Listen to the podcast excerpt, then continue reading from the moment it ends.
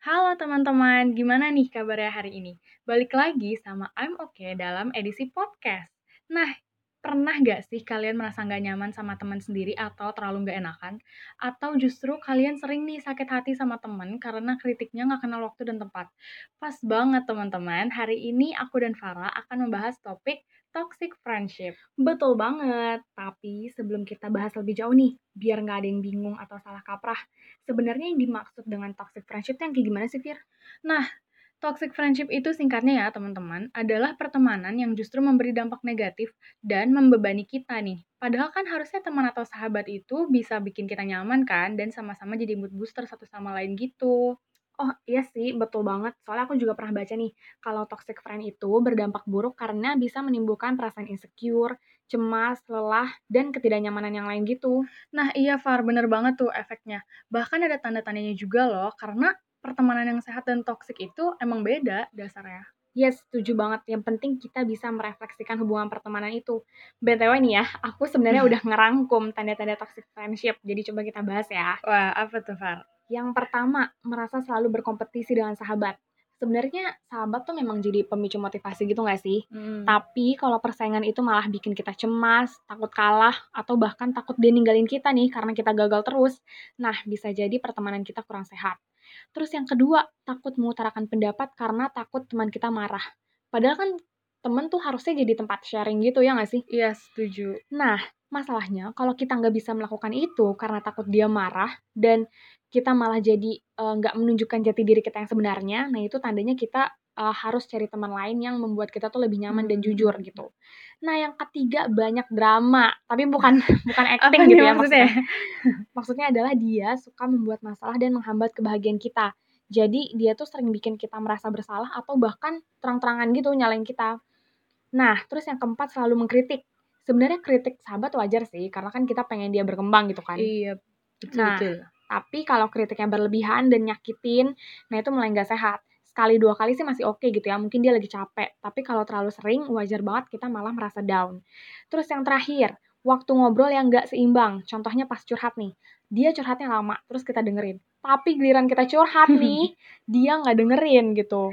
Sakit banget ya? Makanya, bahkan dia bisa jadi uh, bilang kalau dia sibuk. Nah, ini bisa membuat kita merasa nggak penting.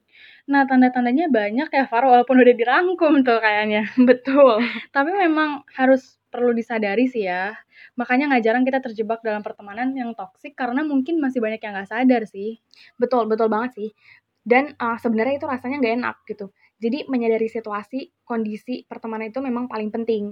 Tapi sebenarnya pun kalau udah terlanjur terjebak dalam pertemanan yang to toksik itu, tetap ada yang bisa kita lakukan untuk keluar gitu. Setuju, setuju. Bukan berarti nggak bisa diperbaiki ya teman-teman kayak udah toksik terus ya udah pasrah aja lah temen gue toksik nggak gitu ya. Nah, setuju. Ada beberapa cara nih yang bisa kita lakukan. Pertama, coba cek dulu deh ada nggak sih alasan tertentu yang membuat teman kalian itu jadi toksik. Contohnya mungkin dia lagi ada masalah berat yang kita nggak tahu lah ya. Tapi kalau misalnya memang nggak ada alasan khusus, berarti ya kita harus akuin kalau misalnya teman kita tuh memang kurang baik untuk kita gitu. Setuju. Terus yang kedua nih, ubah dulu diri kita. Perlu diingat ya teman-teman, kalau misalnya kontrol terbesar itu ada di diri kita sendiri. Jadi ya yang harus berani berubah duluan ya kita, baru kita bisa mengharapkan perubahan dari orang lain gitu. Sama aja kayak temen toksik. Coba dibicarakan dulu kali ya, Far, ketidaknyamanan kita. Misalnya dia terlalu kasar atau sering mengkritik, tapi jelas lah jangan pakai kata-kata yang menyudutkan juga. Iya, jangan langsung to the point dan bikin dia sakit hati gitu Nah, ya. betul itu memperkeruh suasana tuh kayaknya.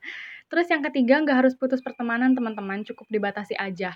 Kalau misalnya mau mengakhiri pertemanan langsung kan pasti akan susah ya, apalagi kalau kita udah deket banget, terus tiba-tiba jadi toksik. Tapi bisa loh membatasi interaksi pelan-pelan, supaya siapa tahu teman kita jadi sadar kalau kita lagi kurang nyaman gitu sama dia. Nggak apa-apa kok dicoba cara yang kayak gitu. Terus yang keempat, if change isn't possible, let go aja. Kalau kita Mm-mm. udah mengkomunikasikan nih ketidaknyamanan kita, udah berusaha diskusi masalah tapi dia nggak berubah ya nggak ada salahnya untuk benar-benar melepaskan mereka sih.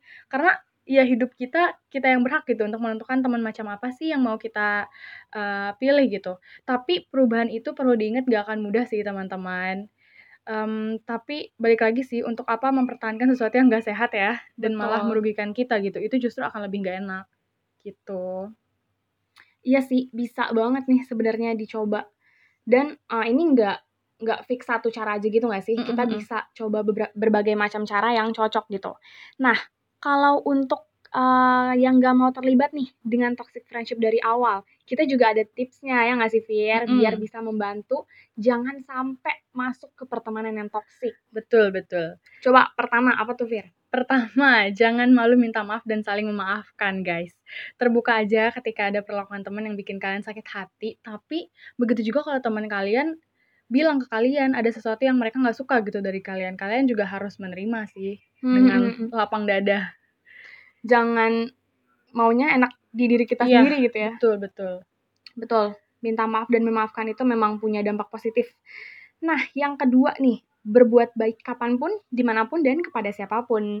Kayak kata pepatah nih, kita akan menuai apa yang kita tanam. Memang sih, sebenarnya kalau kita diperlakukan gak baik tuh bukan berarti kita pernah Mhm. melakukan sesuatu yang gak baik juga gitu ya di masa Mhm. lalu gitu. Jadi nggak boleh menyalahkan diri sendiri.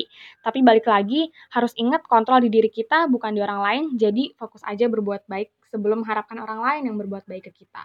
Yap, ada juga yang gak kalah penting nih, Far. Buat teman-teman mungkin ya, walaupun kalian dekat, tetap harus ingat nih kalau kalian itu orang yang berbeda. Betul. Nah, hargai dulu nih diri sendiri. Percaya kalau misalnya pencapaian apa pun yang diperoleh sama teman kita bukan berarti kita harus mencapai yang sama nggak sih, Far? Iya, bener banget. Kayak tetap aja orang-orang beda gitu dan Mhm. kalian ikutin aja apa yang kalian suka tanpa terpengaruh sama teman Mhm. kalian sih. Semirip-miripnya orang ya tetap aja ada yang beda gitu nggak sih? Mhm, dan itu bisa mengurangi perasaan iri juga loh, teman-teman, Hmm. antara kita dan teman-teman kita.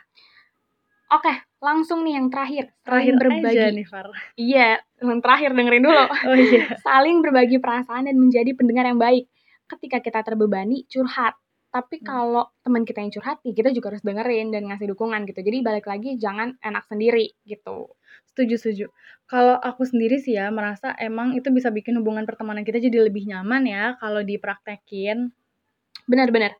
Nah, eee, sebenarnya kayaknya dari tadi kita udah ngomong panjang-panjang nih ya. Iya. Nah, tapi karena ada batasan waktunya gitu ya, kan segala yang baik ya nggak boleh berlebihan juga gitu, guys. Durasi durasi. Betul, durasi. Nah, waktunya kita udahan aja kali ya. Iya banget nih, Far.